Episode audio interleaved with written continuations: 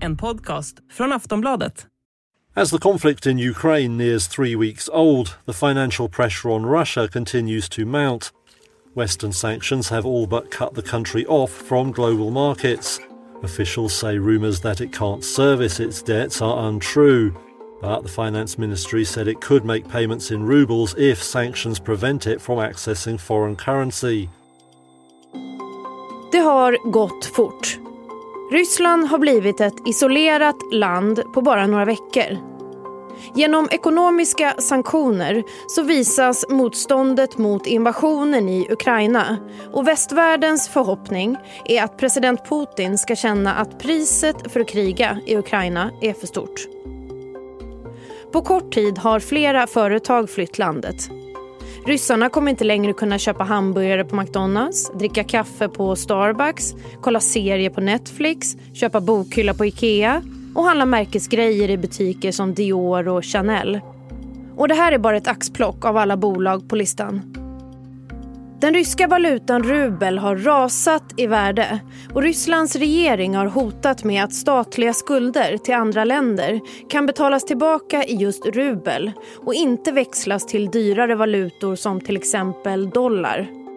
Och en del av den här statsskulden skulle betalas in under onsdagen. Och när vi spelar in det här avsnittet under torsdag förmiddag så har Ryssland precis gått ut med att man har betalat det som skulle in men det är inte klart ännu om den här betalningen faktiskt går igenom. Ja, det finns många tecken på att sanktionerna ger effekt. Och I det här avsnittet av Aftonbladet Daily ska vi prata om just att Ryssland faktiskt riskerar att gå bankrutt. Vad innebär det egentligen och vilka effekter kan det få på sikt? Bryr sig västvärlden om att det ryska folket kan få betala mest i slutändan? Och kan sanktionerna slå tillbaka och påverka hela världsekonomin? Du är varmt välkommen att lyssna. Jag heter Amanda Hemberg Lind. Aftonbladets ekonomikommentator Andreas Cervenka är gäst idag. Hej och välkommen. Hej, tack så mycket. Hur är läget i den ryska ekonomin just nu? Ja, det är ju ganska prekärt får man ändå säga. De här sanktionerna har ju redan börjat slå. Häromdagen kom nyheten att den här klassiska eh, biltillverkaren som tillverkar den här ryska bilen Lada, de eh, upphör med produktionen för de får helt enkelt inte reservdelar. Eh, och det har också kommit rapporter om att det behöver ta slut vissa varor i butikerna och sådär. Så att Eh, det, är, det är ganska jobbigt tror jag. Dessutom så är det ju rent symboliskt har ju då McDonalds, H&M, Ikea, alla de här västerländska firmorna har ju stängt och väldigt många ryssar har ju blivit arbetslösa eh, över en natt egentligen. Ryssland kan ju riskera statsbankrutt. Vad, vad, innebär det och vad är det senaste som har hänt nu gällande betalningar av eh, skulderna? Ja, det som har hänt är att i veckan skulle Ryssland betala 117 miljoner dollar i ränta på lån man har tagit. Ja, och det var oklart om den här betalningen skulle ske och först pratade Ryssland om att de ville betala i rubel. Eh, men det skulle inte accepteras. Så nu har de gjort en betalning men det är inte helt säkert att den kommer accepteras för pengarna kommer från den eh, valutareserv som är fryst av eh, västmakten, av tillgångar som är frysta. Så det är inte helt säkert att betalningen går igenom. Och då om den inte går igenom då påbörjas en period på 30 dagar. Det här måste lösas på något sätt. Så annars hamnar Ryssland i, i eh, statsbankrutt kan man säga. Och Ryssland hävdar att det här är en slags frampressad eh, då, konkurs av, av väst. Men det, det handlar ju om, i botten om sanktionerna mot landet. Men vad, vad skulle konkret sån här statsbankrutt innebära då? Det konkreta är att Ryssland inte kan ta ut några, ta upp några nya lån på kapitalmarknaden. Man blir liksom utestängd från, eh, från att låna pengar. Eh, och det kan också spela över på ryska företag som har slagit upp stora lån. Så det kan få en hel del konsekvenser. Eh, och så länge man, inte, så länge man har obetalda skulder eh, det är nästan man skulle kunna jämföra med att ha en betalningsanmärkning. Så länge man har obetalda skulder så, så kan du inte låna pengar eh, på marknaden. Utan du måste göra någon slags uppgörelse med de som har lånat ut. Annars är du eh, svartlistad helt enkelt. Eh, och det försöker då Ryssland undvika förstås. Men har de ekonomiska sanktionerna då än så länge gett någon effekt då på själva kriget? För meningen är väl det att Putin ska stoppa kriget för att det svider för mycket? Precis, och det är lite olika, man kan se på de här sanktionerna på lite olika sätt tror jag. Därför att man kan säga vad är alternativet till sanktioner? Det är ju att liksom ingripa militärt när en sån här sak händer. Eh, det vill man väldigt gärna inte göra då från NATO och EUs sida som då Ryssland är ett kärnvapenland och man vet inte riktigt, man är rädd för att det här ska utlösa tredje världskriget. Så sanktioner blir då dels eh, symboliskt, att man vill liksom straffa Ryssland och straffa Putin. Eh, och sen också då indirekt att, att missnöjet ska öka internt och även då att finansieringen Eh, så småningom ska strypas till själva kriget. Men men just nu så har man inte till exempel infört ett stopp av eh, exporten av rysk olja och gas. Så, så det flödar fortfarande in pengar i Ryssland. Eh, så att man har ju råd i så mått att hålla, ordning, hålla igång kriget. Men det man hoppas på är mer de här indirekta effekterna, att liksom stödet för kriget kommer liksom, eh, rasa. Sen om det kommer lyckas eller inte, det, det är en annan sak. Men det har inte kommit ut någon information om det här, att eh, det här skulle påverka själva kriget än så länge? Nej, det man kan säga är ju att det är uppenbart att eh, Putin och de andra ledarna i Ryssland inte hade väntat sig så här hårda sanktioner. Eh, hade de gjort det så hade de ju eh, liksom gjort någonting annat med den här valutareserven än lagt den på centralbanker utomlands. Eh, så att de är nog överraskade över det och väldigt irriterade och pressade förstås och har ju då försökt, försökt komma tillbaka med sina egna sanktioner. Jag såg att häromdagen skulle de frysa tillgångarna för, för Biden i Ryssland. Jag tror inte att det är något jättehårt slag direkt. Jag tror inte han har så mycket pengar i Ryssland. Men, så det är liksom ett, en ekonomisk krig. Eh, man utkämpar ett, ett krig på slagfältet men också som har blivit lika viktigt inte nu för tiden, det är det ekonomiska kriget. Eh, men, men, hur det har påverkat kriget, det, det handlar mycket om liksom Putins och hans psykologi och, sådär. Så det är väldigt svårt att säga om. Men vad säger då historien om eh, effekten av det här sanktionsverktyget? Brukar det fungera om man tittar tillbaka lite? Nej, men det där är en bra fråga. Och egentligen kan man säga att det brukar fungera ganska dåligt att påverka länder. Eh, det finns en amerikansk professor som heter Nicholas Mulder som ganska nyligen kom ut med en bok som, som beskriver sanktioner som en liksom lång besvikelse när det gäller att liksom styra utvecklingen i länder. Eh, och jag tror också att man är medveten om det, men att i det här läget så tror jag att det viktigaste var att försöka straffa Ryssland och inte minst symboliskt. Och det här är återigen, det, liksom, det här är istället för någonting annat. Det här är istället för att man, man åker in med NATO-flygplan och försöker stoppa bombningarna så försöker man på något sätt göra det här istället. Eh, men de som drabbas hårdast av sanktioner är som alltid vanliga människor. Hur ser då världens länder på de långsiktiga effekterna som sanktionerna kan få globalt? Alltså kan det slå tillbaka mot väst själva till och med? Ja, jag tror att när det är den ryska ekonomin, eh, där kan vi se att EU och, och har ju försökt liksom, ehm, lägga upp en plan för att de ska minska sitt beroende av rysk olja. Det är egentligen det enda man är intresserad av från Ryssland, det är deras liksom, eh, gas och olja. Eh, och då och där, man vill inte strypa gasen direkt för det kan bli liksom eh, kaotiskt i framförallt Tyskland. Men man vill ha långsamt en plan att liksom bli av med beroendet av rysk energi. Eh, därutöver tror jag inte att man är så jättebekymrad men det kan finnas andra indirekta effekter. Det ena är ju då när de finansiella, när Ryssland ställer in betalningarna och kanske när företagen ställer in betalningarna eh, så kan det ge spridningseffekter som är väldigt svårt att överblicka. A lot can happen in three years, like a chatbot may be your new best friend. But what won't change? Needing health insurance. United Healthcare Tri Term Medical Plans, underwritten by Golden Rule Insurance Company, offer flexible, budget friendly coverage that lasts nearly three years in some states. Learn more at uh1.com.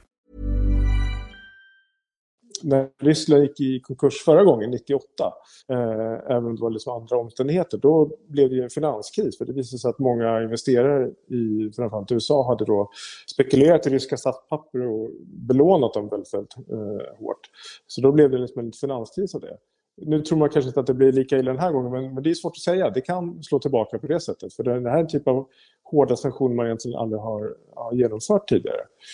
Eh, det andra är ju liksom att det blir ett geopolitiskt skifte. Eh, för de enda allierade som Ryssland har kvar är ju framförallt Kina och till viss mån verkar som Indien. Eh, och vi såg signaler häromdagen att Saudiarabien, som då är en jättestor producent av olja, de eh, sa till Kina att vi är beredda att acceptera yuan, alltså den kinesiska valutan, som betalning istället för dollar. Och det är någonting som aldrig har hänt förut. Och det är liksom ett, ett tecken på att man, det kan skapas ett block eh, där Ryssland ingår, där man vill liksom, eh, försöka minska världens beroende av dollarn och minska USAs ekonomiska makt inom dollarn. Så, så det, den typen av indirekta effekter kan också komma och det kan också slå tillbaka, eh, även om det tar lite längre tid, mot eh, västmakterna. Men då inuti själva Ryssland då, kan det vara så att det ryska folket får betala mest i slutändan? Hur ser världens länder på det här? Vad som händer i Ryssland? Bryr man sig om det? Nej, men det är en bra fråga. Tyvärr är det så i, alla krig, ekonomiska krig eller, eller liksom, eh, Eh, vanliga krig om man säger så, så är det ju civilbefolkningen som betalar det högsta priset. Och det har vi sett i andra länder som varit under hårda sanktioner, till exempel senast i Iran som också har haft kan man säga, motsvarande sanktioner mot sig, så är det ju vanliga människor som får, får lida mest. Och så är det förstås med, med ryssar också. Eh, och det, är, det här kommer ju bli eh, väldigt jobbigt. Eh, för det, här, det ser ut som att Ryssland kommer nu bli mer, gå åt mer åt Sovjetunionen-håll. Eh, både när det gäller liksom, sin ekonomi, tillgång till varor, men även när det gäller liksom, yttrandefrihet och sånt som också har stramats upp nu. Eh, och man har sett att en hel del ryssar väljer att lämna Ryssland och, och, så. Så det, det, här är ju, det kommer bli en, en tuff tid. Hur det påverkar ryssar, det, det är nog väldigt svårt att, att svara på. Det, det, det, är inte jag rätt person. Men eh, man har ju sett historiskt så har ju människor och länder som blir väldigt hårt straffade ekonomiskt.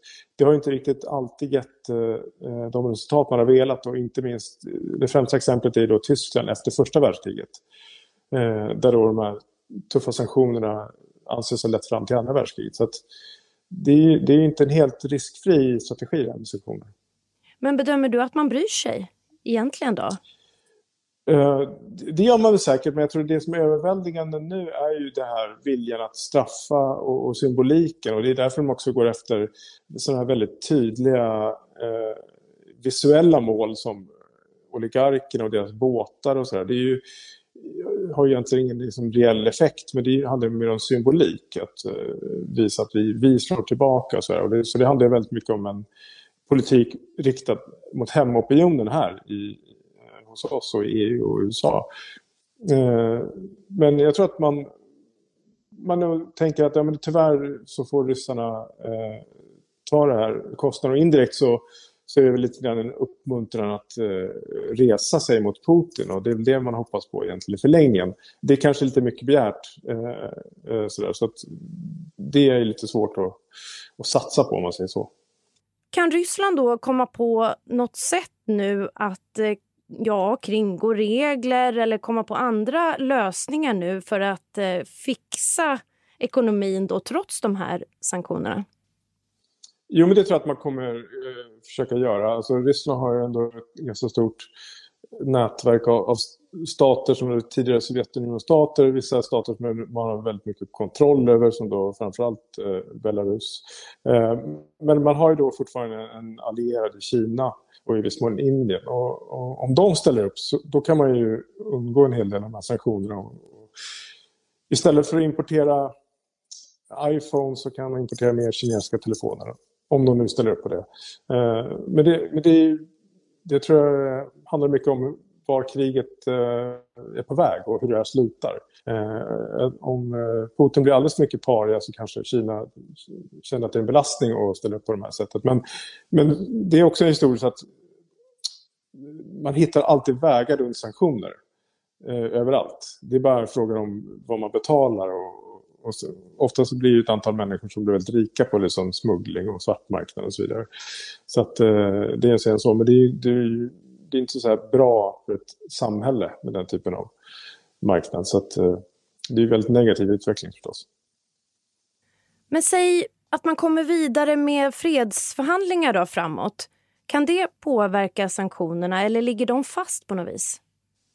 Jag tror att i och med att man ser de här eh, sanktionerna väldigt mycket som symboler och som, som bestraffning så tror jag att man kommer ligga kvar med dem. Det, det är svårt att förlåta de här, då man menar krigsbrott som har begåtts i Ukraina och bara låta allting vara som vanligt. Det tror jag inte. Utan jag tror att den ryska marknaden får nu anses vara liksom död för överskådlig framtid för västerländska företag. Jag tror inte att man McDonalds eh, känner att de kan öppna liksom om två veckor. Eh, så.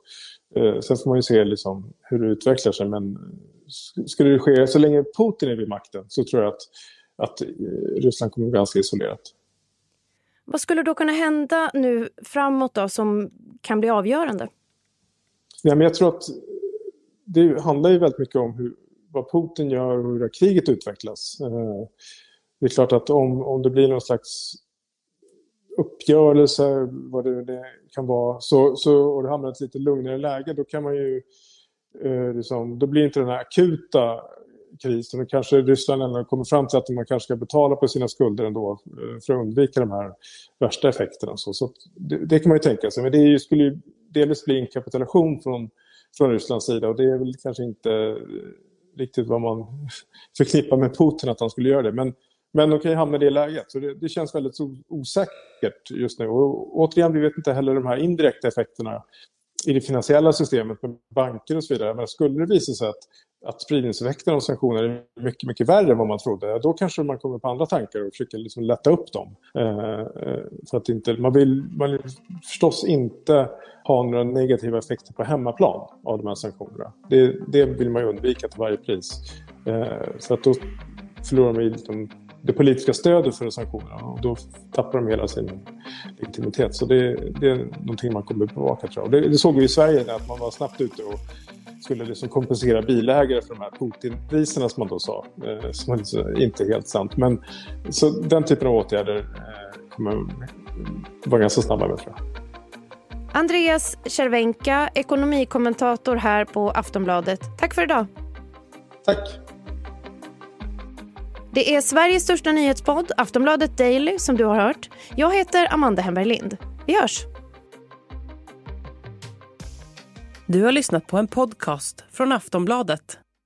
Ansvarig utgivare är Lena K Samuelsson. Hey everyone! I've been on the go recently. Phoenix, Kansas City, Chicago.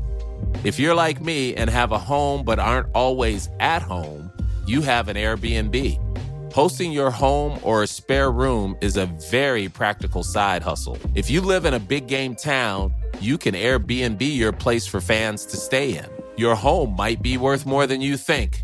Find out how much at airbnb.com/slash host.